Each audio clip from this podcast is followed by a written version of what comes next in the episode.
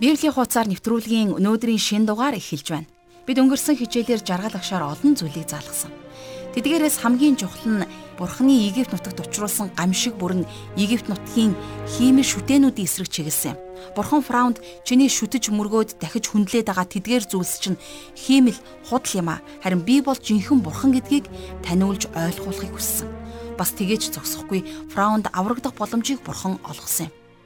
Тэгэхээр өнөөдөр ч гэсэн бурхан өөрийг нь эсэргүүцдэг тэр бүх хүмүүст аврагдах боломжийг өгсөөр байгаа гэдгийг та бид ойлгосон шүү дээ. Тэгвэл өнөөдөр бид Египтээс гарсан номын 10 дугаар бүлгийн 10-аас 11 дугаар бүлгийн 10 дугаар ишлэлийг дуустал хамтдаа судлах болно. Харин одоо хичээлээ эхлүүлэхээс өмнө бурханд хандаж залбирцгаая. Бурхан минь, бид таны үгнээс суралцж байгаадаа үнэхээр талархаж байна. Та өргөжлүүлэн одоо ч гэсэн таны үгийг ойлгож мэдэх тэр мэрэгэн ухаанаар та биднийг дүүргэж өгөөрэй. Таны Египт нутагт хийсэн Израильчуудад үйлдсэн энэ бүх үйл явдлаас суралцж өөрийнхөө амьдралд сурсан зүйлээ хэрэгжүүлэхэд минь ариун сүнсээрээ хамт байгаарай. Бид танд хичээлийн энэ цагийг өргөж Есүс Христийн нэрээр залбирлаа. Амен. Харин одоо жаргал агшин ярианд анхаарлаа хандуулъя.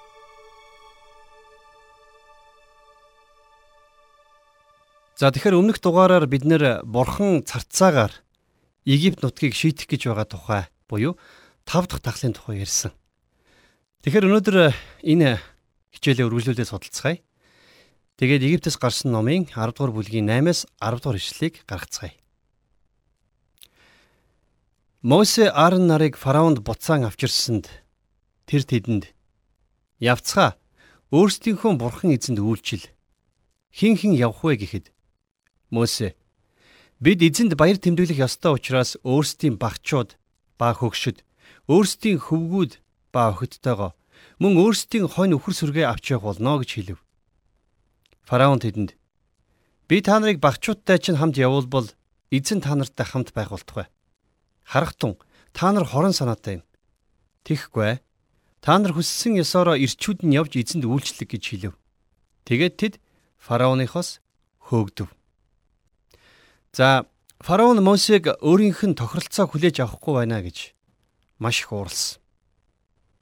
Фараон Мосед цөл рүү явж дахил өргөхдөө зөвхөн томчууд нь л явж болно. Харин хүүхдүүдээ авч явж болохгүй гэж хэлсэн байна. Хэрвээ Израильчууд цөл рүү 3 хоногийн аялалд явах юм бол тэд нэр цаашаа тэр чигээрээ явчихж магадгүй гэж фараон сэжиглсэн баг. Тиймээс тэр тэднийг зогсоохыг хүсдэг. Тэгээд тэр нэгэн арга бодож олсон байна. Хүүхдүүдийн үлдээчихвэл томчууд нь заавал эргэж ирэх болно гэж фараон боджээ. За Мосе Аарон нар фараоны тохиролцоог хүлээж авахгүй байгаа нь фараоныг уурлуулсан. Тэгээд тэр ууралж хүүхдүүдээ үлдээгээд яв гэсэн тохиролцоог Мосед хэлсэн байна. За тиймээс Мосе дахиад өөр нэгэн гамшигыг эхлүүлдэг. За энэ тухай 12-оос 15 дугаар ишлэлээс харцгаая. Эзэн Мосед гараа Египтийн газар дээгүр сунгаж Египтийн нутаг царцаанууд оруулж мөндрөөс үлдсэн бүхнийг тариалангийн бүх ургамлыг идүүл гэж айлдав. Мосе Египтийн газар дээгүүр таяга өргөхөд эзэн дорны салхийг өдөржин шүнжин уг нутаг руу салхилуулав. Өглөө болоход дорны салхи царцаануудыг авчирсан байв. Царцаанууд Египтийн бүх газарт орж Египтийн бүх нутаг дэвсгэрт үе олноороо тархав. Урд өмнө хизээч байгаагүй бөгөөд хойшидч байхгүй тийм их царцаа байв. Газрыг харанхуйлтал тэд бүхэл газрын гадаргууг бүрхөв. Мөндрөөс үлдсэн тариалангийн альва ургамал модны бүх жимсийг тэд идсэн. Египтийн бүх газар даяар мод болон тариалангийн талбайн ургамалд ногоон юм юу ч үлдсэнгүй.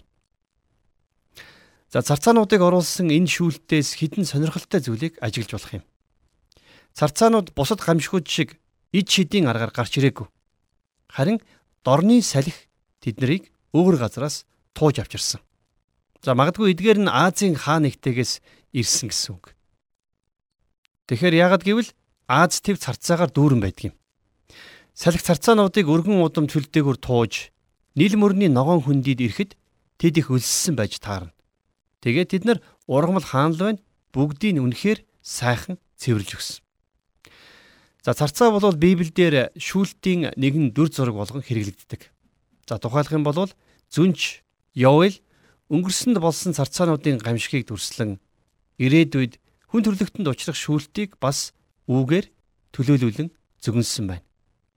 За мөн бас илчлэлт номонд газар дэлхий дээр ирэх царцаануудын агуу гамшигын талаар тэмдэглэн үлдээсэн байдаг. Эдгээр царцаанууд өмнөх гамшигуудаас хамгийн их хор хөнөөлийг үзүүлсэн байж болох юм. Харин энэ үед фараон ямар алхам хийснийг хамтдаа 10 дугаар бүлгийнхээ 16-аас 20 дугаар ишлэлээс харцгаая. Мосе Аарон нарыг фараон яаралтай дуудан би та нарын бурхан эзэн болон та нарын эсрэг нүгэл үлдлээ. Тийм учраас зөвхөн энэ удаа миний нүглийг уучлж надаас зөвхөн энэ үхлийг зайлуулахын тулд өөрсдийн бурхан эзнээс гуйж өгөөч гэв. Мосе фараоныхаас гарч эзнээс гуйв. Эзэн салхийг өөрчлөн өрнийн хүчит салхи болгосонд царцаанууд улаан тэнгис рүү хөөгдөв. Египтийн бүх нутагт нэг ч царцаа үлдсэнгүй. Харин эзэн фараоны зүрхийг хатууруулсанд тэр Израилийн хөвгүүдийг явуулсангүй. За бурхан Египтчүүдтэй дараалтайгаар харилцсан. За өөрөөр хэлэх юм бол бурхан гамшгуудыг дис дараалалтай зохион байгуулалттайгаар илгээсэн юм. Тэгэхээр эхний гамшгууд нь газар нутгийг дүүргэсэн янз бүрийн бурхад, охин тэнгэрүүд, шүтэнүүдийн эсрэг чиглэж байсан бол харин одоо бурхан хүмүүсийн дээр агуу зовлон бэрхшээлийг илгээж байна. Царцааны энэхүү гамшиг үнэхээр үр дүнгээ өгч хүмүүс үнэхээр маш хүнд нөхцөл байдалд орсон. Гэхдээ энэ нь фараоныг төрхөн зур гимшгэд хүргэж гамшиг харилсан тэр мөчөд фараон бодлоо өөрчлөн зүрхээ хатууруулсан. Харин одоо бурхан Израилийн хүүхдүүдийг явуулахад хүргэх эхний алхмыг хийх гэж байна. За ингээд 10 дугаар бүлгийн 21-ээс 23 дугаар ишлэл. Эзэн Мосед Египтийн газар дээгүүр харанхуй нүмерхийн тулд гараа тэнгэрөөд сунгах гэж айлдав. Мосе гараа тэнгэрөөд сунгахад Египтийн бүх нутагт 3 өдрийн турш түнэр харанхуй болов. 3 өдрийн турш тэд нэг нэгнийгээ харсангүй. Хинч байрнаасаа боссонгүй. Харин Израилийн бүх хүүгүүдийн амьдарч байгаа газар гэрэлтэй байв. Та хизээ нэгэн цагт хав харанхуй газар ганцаараа байж үзсэн үү? За олон жилийн өмнө би нэгэн агуун аялалд гэрэл асаагаад тэгээ бид нар багаараа нэгэн дуу дуулж явсан. За энэ миний хувьд маш их сайхан сэтгэл төрүүлэхээр тийм үе байсан л да. Гэтэл энэ дууг дахиад битгий дуулаа гэж зарим хүмүүс шүүмжлээд биднийг болиулсан. Тэгэхэд тэр агуун түнэр харанхуй надад мэдрэгдэж эхэлсэн. Би өмнө нь ч Тэрнээс хойш ч тийм их харанхуйг мэдэрч байгаагүй. Энэ нь магадгүй Египтийн газар нутаг дээр байсан тэр харанхуй шиг л надад санагдсан. 3 хоног тийм харанхуйд байна гэвэл надад л үнэхээр маш хэцүү байх нь гарцаагүй. За тэгэхээр Египтийн газар нутаг дээгүр өдрийн цагаар харанхуй болсон гэсэн үг. Бурхан харанхуйг илгээснээрээ Египтчүүдийн мөрөгдөг байсан гол шүтээний эсрэг хөдөлсөн. За энэ харанхуй нь бол Египтийн нарны бурхан Рагийн эсрэг чиглүүлсэн бурханы шүүлт байсан юм. Нарны дугуй дүрс бол Египтчүүдийн шүтдэг хамгийн гол бэлэг тэмдэг. За энэ ч гэсэн урлагийн бүтээлүүд дээр их түгээмэл харагддаг л да. Тэгэхээр Египтчүүдийг харанхуйн гамшигт орцсон байхад нь өнөөх Ра химээх нарны бурхан нь тусалж чадаагүй. Харанхуй нь бурхны гайхамшиг байсан. Ингээд энэ нь фараоныг дөрөвдөг тохиролцоогоо хийх санал тавихад хүргэдэг. Энэ тохиролцоо нь Израилийн хүүхдүүдийг Египтийн газар нутгаас явуулахаас өмнө хийсэн хамгийн сүүлчийн тохиролцоо байсан юм. За тэгвэл Израилийн талаар бурхан чухам ямар шаардлагыг тавьсан бэ? За мөн фараон ямар тохиролцоонд хүрэхийг хүссэн бэ гэдгийг хамтдаа судалцгаая. За ингээд 10 дугаар бүлгийн 24 дугаар ишлэгийг уншийе. Фараон Мосег дуудаж Яв эзэнд үйлчил. Харин та нарын хонь ба үхэр сүрэгч нь үлддэг. Хүүхдүүд чинь ч та нартай хамт яв гэж хэлв. Өөрсдийнхөө мал сургийг зүгээр орхих нь Мосегийн Израильчуудын төлөө хийх тохиролцоо байж болох юм а гэж та бодож байна уу? Фараон Мосед буулт хийх гэж маш их урт замыг туулсан. Тиймээс энэ нь зөвшөөрч болох үед санд гэж та бодож байж болох юм. Гэхдээ та боддоо Та өөрийнхөө сейф хадгаламжийн хайрцаг, данс, үнэт цаас, бонд, үл хөдлөхөө зүгээр орхиод явж чадах уу? Эдгээр мал сүрэг нь Израильчүүдийн хувьд цаг, зүрх сэтгэл бүх хөдөлмөрөө шингэн байж өсгөн үржүүлсэн цорын ганц баялаг нь байсан. Хэдийгээр Египчүүдийн хүнд хэцүү боолжлоос сулагдах гэж байгаа ч гэсэн мал сүргийн ардаа орхих нь тэд нарыг уу гашууд зайлшгүй оруулах байсан. Тэгвэл Мосеийн тохиролцоонд юу гэж хариулсныг 25-аас 29 дугаар ишлэлээс харцгаая. Мосе Бид эзэн бурхандаа тахил өргөх учраас та шатаал тахил ба өргөлүүдийг бидний гарт өгөх ёстой. Тийм учраас бидний малч гисэн бидэнтэй хамт явна. Бид тэдний зармийг нь авч өөрсдийн бурхан эзэнд үйлчлэх тул нэгч туйратан үлдэх ёсгүй. Мөн тэнд очих хүртэл бид юугаар эзэнд үйлчлэхийг өөрсдөө ч мэдэхгүй байна гэж хэлв. Эзэн фараоны зүрхийг хатууруулсанд тэр тэднийг явуулахыг хүссэнгүй. Фараон түнд Надаас зайл. Миний нүрийг дахин үзэхээс болгоомжил. Чи миний нүрийг харсан өдөртөө л үхэх болно гэв. Мосе та зөв ярьж байна. Би таны нүрийг дахин харахгүй гэж хэлв. За ямар ч харилцсан буулт их явдал болсонгүй. Бас Мосе мал сүргээ үлдээж явахыг ч хүсээгүй. За одоо ингээд хамтдаа харин Египтээс гарсан номынхоо 11 дугаар бүлгийг үзэж эхлэе. Тэгэхээр энэ бүлгээс Израильчуудыг явуулахад хүргэсэн хоёр дахь алхам буюу хамгийн сүүлийн гамшигын талаар хамтдаа судлах болно. За 11-р бүлгийг Мосег фараонтой тэмцэлдсэн сүүлийн бүлэг гэж нэрлэж болно. Бурхны Египтчүүдэд учруулсан ууган төрөсдийн үхэл нь Израильчуудыг боолчлоос чөлөөлөгдөхийн яг өмнөх хамгийн сүүлчийн шүүлт болон ирсэн юм. Фараон одоо бурхантай зөрчилдөх нь дими юм а гэдгийг ойлгож эхэлсэн. Бурхан фараоныг удаан төвчиж бас уучлж байсан. А гэхдээ одоо бурхан Израилийг Египтээс явах цаг нь болсон гэдгийг фараонд ойлгуулах гэж байна. Харин бурхан ямар арга зам хэрэгжилж Египтээс гарахыг Мосед заасныг бүгдээрээ Египтээс гарсан номын 11-р бүлгийн 1-ээс 3-р ишлэлээс харцгаая. За ингээд надтай хамт Египтээс гарсан номын 11-р бүлгийг гаргаарай. Эзэн Мосед Би бас нэг гамшигыг фараон хийгээд Египт дээр авчирна. Үүний дараа л тэр та нарыг эндээс явуулна. Тэр та нарыг явуулахдаа эндээс бүр мөсөн хүн гаргана. Эрэгтэй эмэгтэй хүн бүр хөршөөсөө мөнгөн идэл алтан идлийг гуйхтун химэн ард түмэнд сонсго химэв.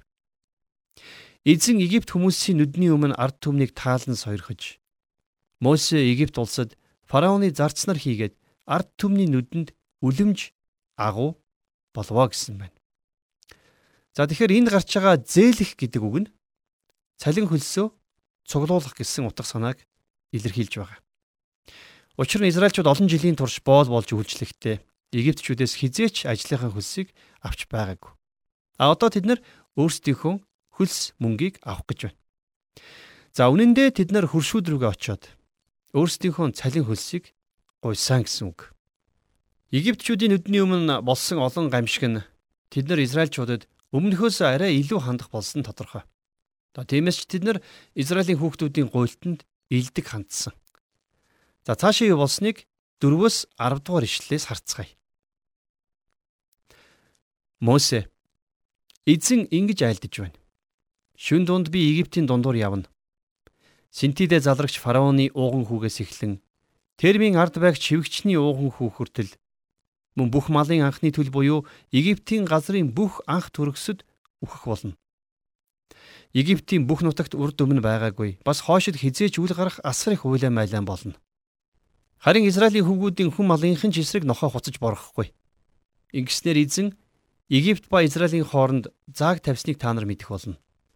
Таны эдгээр бүх зарцнаар над руу ирээд надад мөргөж та болон таны хүлд байгч бүх ард түмэн гарч яваач гисгээсний дараа л би гарнаа гэд маш хилэгнэн фараоныхаас гарав.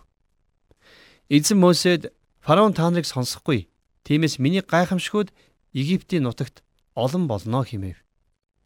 Мосе Аарон нар эдгээр бүх гайхамшгуудыг фараоны өмнө үйлдэлсэн боловч эзэн фараоны зүрхийг хатууруулсан тул тэр Израилийн хүүгүүдийг өөрийн нутгаас явуулсангүй. За энэ үед Египтийн бурхтад хүн бас амьтны аль альнийх нь ууган төрөсөд харьяалагддаг байсан юм. Тиймээс ч Бурхан Египтийн бурхтын ууган төрөсдгийг тэднээс шаардсан байна. Бурхан Израилийн хүүхдүүд болон Египтийн хүүхдүүдийн хооронд ялгаа байгаа шүү гэдгийг харуулах гэж байна. Ялгаа нь Египт болон Гошен нутгийн дээгүр өнгөрөх үхлийн тэнгэр элч нарт байгаагүй. Нэг нь еврей үндэстэн, нөгөө нь харь үндэстэн гэдэгт ч бас ялгаа нь байгаагүй.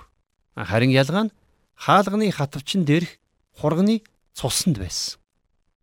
Цусаар хамгаалагдсан гэр болгонд үхлийн тэнгэрлж хурч чадаагүй юм. Тиймээс энэ нь еврейчүүдийн шашны хамгийн анхны баяр дээгүр өнгөрөх гэдэг нэртэй баярын эхлэл болсон юм. Дээгүр өнгөрөх гэдэг нэртэй энэ баяр нь хуучин гэрэн дэх Есүс Христийн тод томрон дүр зургуудын нэг байгаа юм. За ингээд энэ талаар харин дараагийн хичээлээр судлах болно.